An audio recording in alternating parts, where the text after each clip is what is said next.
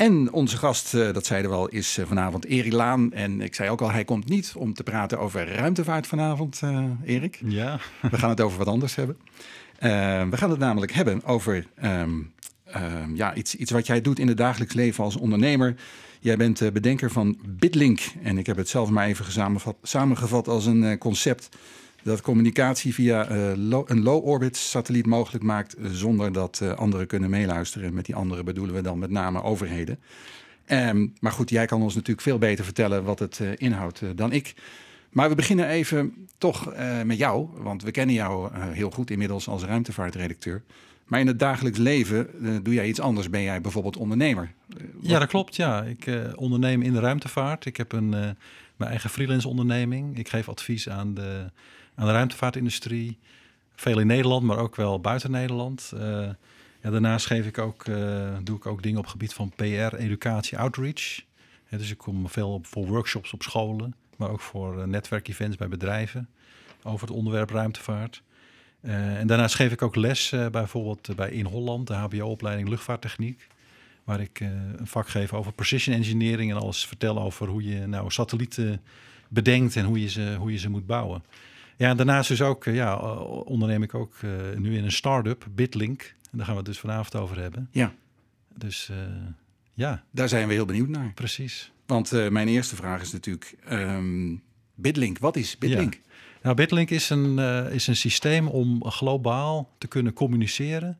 En zonder abonnement en met gebruik maken van eigenlijk hele simpele apparatuur. Dus niet apparatuur die je moet kopen bij een een SATCOM operator, maar gewoon apparatuur die je eigenlijk in bijna zelf kunt maken van huishoudelijke artikelen.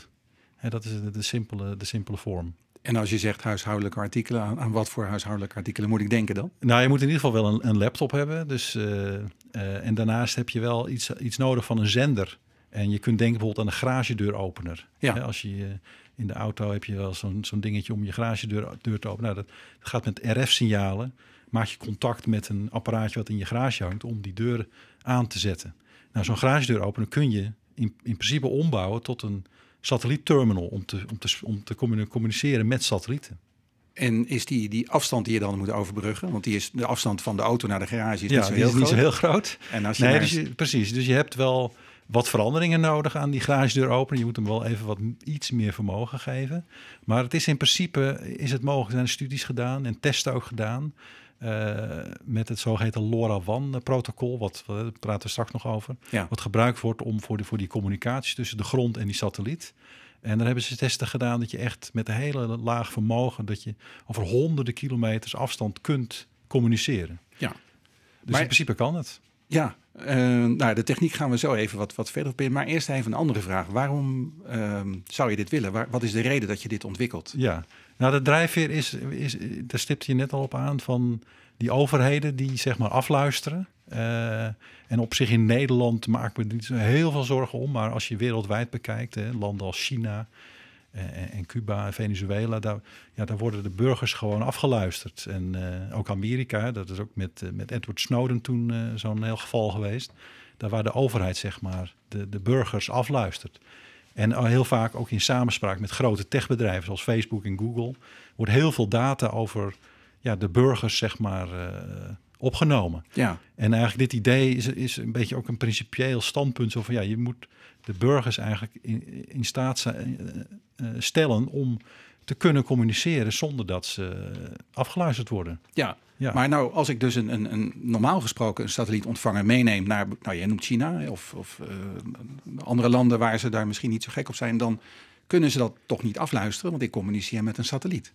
Uh, de, nou, ze kunnen dat. Je, het voorbeeld is China inderdaad. Als je met bijvoorbeeld Iridium, dat is een, een globaal dekkend satelliet telefoniesysteem. Ja. Op de eerste plaats is in China al het hebben van zo'n uh, satelliettelefoon gewoon verboden. Je kan hem natuurlijk altijd meenemen. Maar als je opgepakt wordt, ja, dan ben je dus je satelliettelefoon van bijna 1000 dollar kwijt. En ja, ik weet niet wat de straf precies is in China om dat ding in je bezit te hebben. Maar het mag gewoon niet. Maar je moet ook nog een keer natuurlijk, voordat je zo'n satelliettelefoon hebt, moet je een, een abonnement nemen met Iridium. Je moet je daar registreren. Zij weten dat jij zo'n ding hebt. Ja.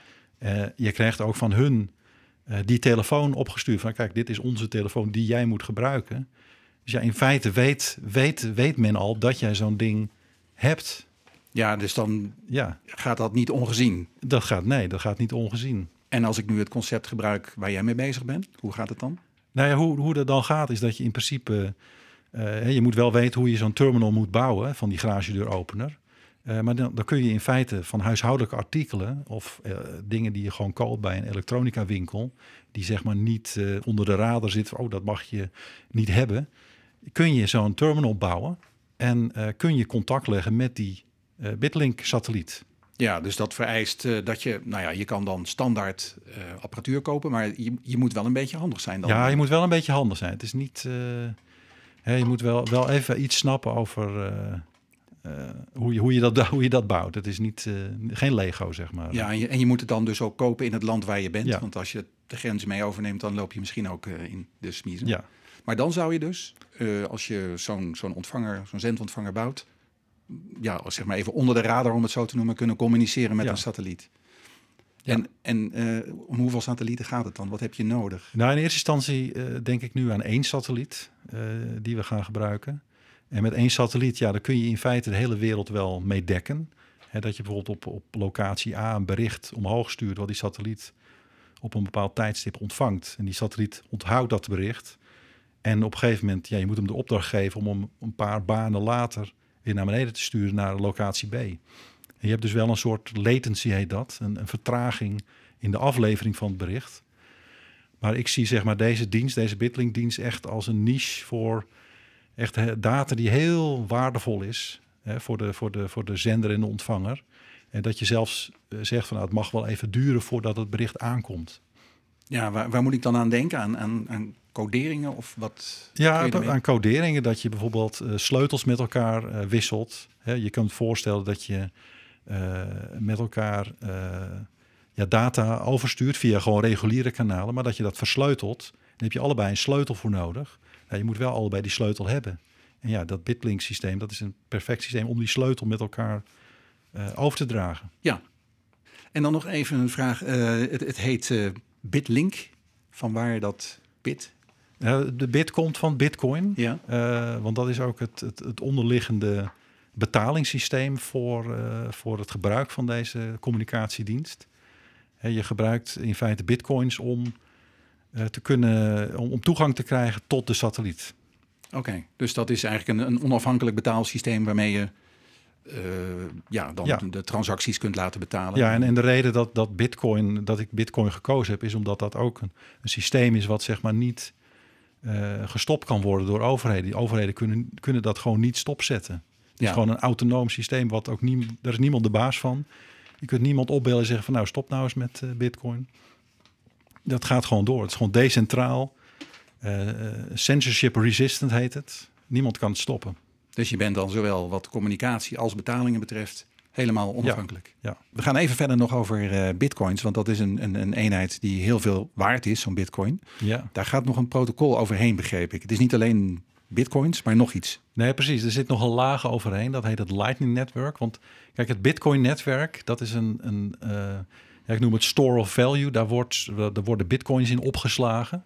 En dat is eigenlijk een heel, heel traag systeem. Daar kun je, als ik met jou een bitcoin-transactie doe, dan weet ik eigenlijk pas binnen, binnen een uur of zo of die transactie daadwerkelijk heeft plaatsgevonden. Dus het is niet iets wat je, waar je koffie voor gaat kopen of waar je even, goed, even snel iets mee gaat doen. Eh, dus dat is een beetje het nadeel van het Bitcoin-netwerk. Nou, hebben ze daar natuurlijk slim over nagedacht, een tweede laag op aangebracht. Dus ik kan wel met jou een Bitcoin-transactie doen via het zogeheten Lightning Network protocol.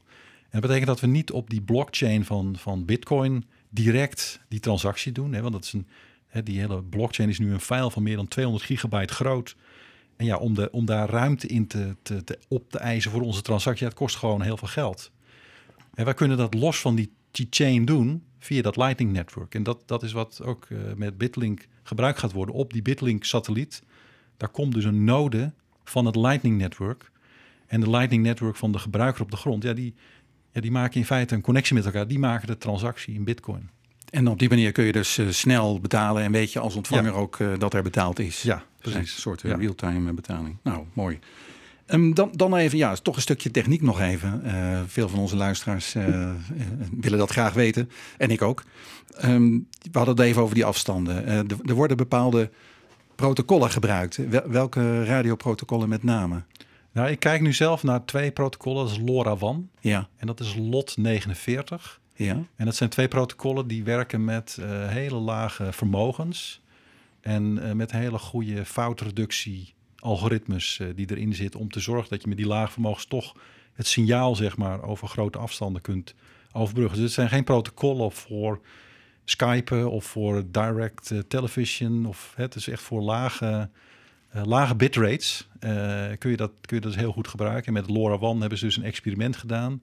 Een ballon ergens bij Berlijn opgelaten. En vanuit Nederland, Amersfoort, meen ik, uh, ook zoiets. En dan hebben ze dus door de, de koming van de aarde... daar komen ze dan net boven, hebben ze direct line of sight... hebben ze connectie kunnen maken met, met ja, hele simpele LoRaWAN ja, dus je kijkt allebei naar dezelfde ballon... Dus je gebruikt de ballon? Nee, je kijkt van ballon naar ballon. Oh, van ballon naar ballon, ja. ja. Dwars door de atmosfeer heen, zeg maar door Nederland en Duitsland heen, uh, ja. of over de, uh, door de lucht.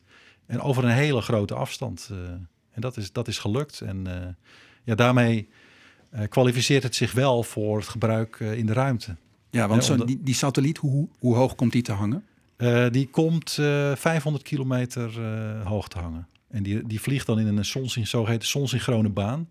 En daarmee zorg je eigenlijk dat je toch wel werelddekkend bent binnen, binnen een dag voor een communicatiedienst. He, dus als die 500 kilometer boven je hoofd vliegt en je, he, je mikt met je antenne, goed, ja, dan moet je gewoon kunnen communiceren. Het wordt lastiger als je zeg maar aan de horizon ergens opkomt, om er dan uh, goed mee te kunnen communiceren. Ja, want zo'n zonsynchrone baan, dat houdt in dat die... Nou, die zonsynchrone baan zegt eigenlijk dat het baanvlak van de satelliet, dat zit in een vlak, daar vliegt hij in. Uh, en elke anderhalf uur maakt hij een rondje om de aarde. En als je hem nou zonsynchroon plaatst om, om de aarde heen, dan zorg je er eigenlijk voor dat dat baanvlak min of meer constant staat ten opzichte van de plek van de zon. En dat wil zoveel zeggen dat eigenlijk het, het, de hoeveelheid zonnestraling die je krijgt op je satelliet vrij constant is. En de aarde, dan heb je een soort baan waar dan de aarde. En de aarde onderdoor... draait daaronder onder, onderdoor. En uh, daardoor krijg je altijd de hele aarde te zien. Uh, ja, want de satelliet draait in een, in een rondje en de aarde draait daar binnen. En dan, ja. uh, het bedrijft van pool tot pool, ja. die satelliet. En die, die, de aarde draait zeg maar daar onderdoor.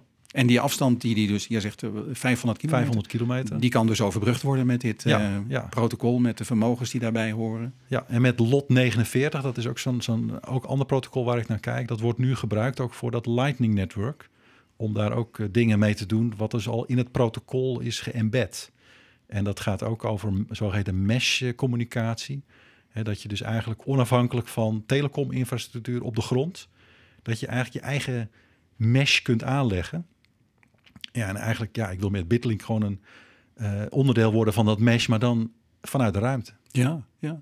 Hoe, hoe zien je plannen er verder uit uh, met dit uh, concept? Want het bestaat nog niet, hè? het is een idee, je bent ermee bezig. Nou ja, in principe, de start-up ben ik, ben ik gestart. Er is een, er is een website, bitlink.space, met bitlink met een Q. dus daar staan al wat eerste, eerste woorden op. Dus, maar goed, het is nog in een hele vroege startfase. Ik ben bezig om ja, investeerders aan te trekken. En andere geïnteresseerden om te kijken of we, of we het van de grond kunnen krijgen. Ja, ja. En um, uh, waar kunnen we informatie vinden, voor zover die er al is? Als, we, als iemand iets wil weten, waar, waar zou die iets kunnen zien? Nou ja, toch die link, bitlink.space. Okay. Op uh, www.bitlink.space met een Q. Uh, dan krijg je al wat, wat informatie over het concept. En ja, ik ben nu nog in mijn eentje en ik zie me meer ook als een soort CTO van het bedrijf. Ik ben niet echt een CEO. Dat is niet echt mijn ding. En ik zoek nog mensen om me te helpen met de RF-berekeningen uh, die nodig zijn om uh, die linkbudget uh, ja, goed duidelijk te krijgen en goed zicht te krijgen op welke hardware we nu echt nodig hebben om, om die communicatie tot stand te brengen. Ja, en ook mensen die weten over dat Lightning Network, hè, hoe dat nou precies geïmplementeerd wordt. Ik heb dat zelf op mijn eigen computer ook wel draaien en wat dingetjes mee gedaan. Maar goed, dat is een hele wereld op zich om dat goed te begrijpen hoe dat Lightning Network nu echt werkt. En of je het ook werk, werkend kunt krijgen vanuit de ruimte. Oké. Okay. Als mensen dit horen en die denken, nou, ik, ik heb wel zin om, uh, om daar aan mee te doen, om daar een steentje aan bij te dragen. Staat op de website ook Ja, Hoe ze jou kunnen bereiken? dat, eh, ik zal het erbij zetten. Goed, eh, goed punt. Of ja. je andere website misschien? Ja, www.ionorbit.com. Dat is mijn eh, freelancing eh, website. Dus een van die twee en dan Ja, eh, komen weten ze me, weten ze me terecht. zeker te vinden. Oké. Erik, de tijd zit erop. Ja, heel erg bedankt voor je komst en voor de, voor de uitleg. En heel veel succes met dit concept. ja dankjewel Peter.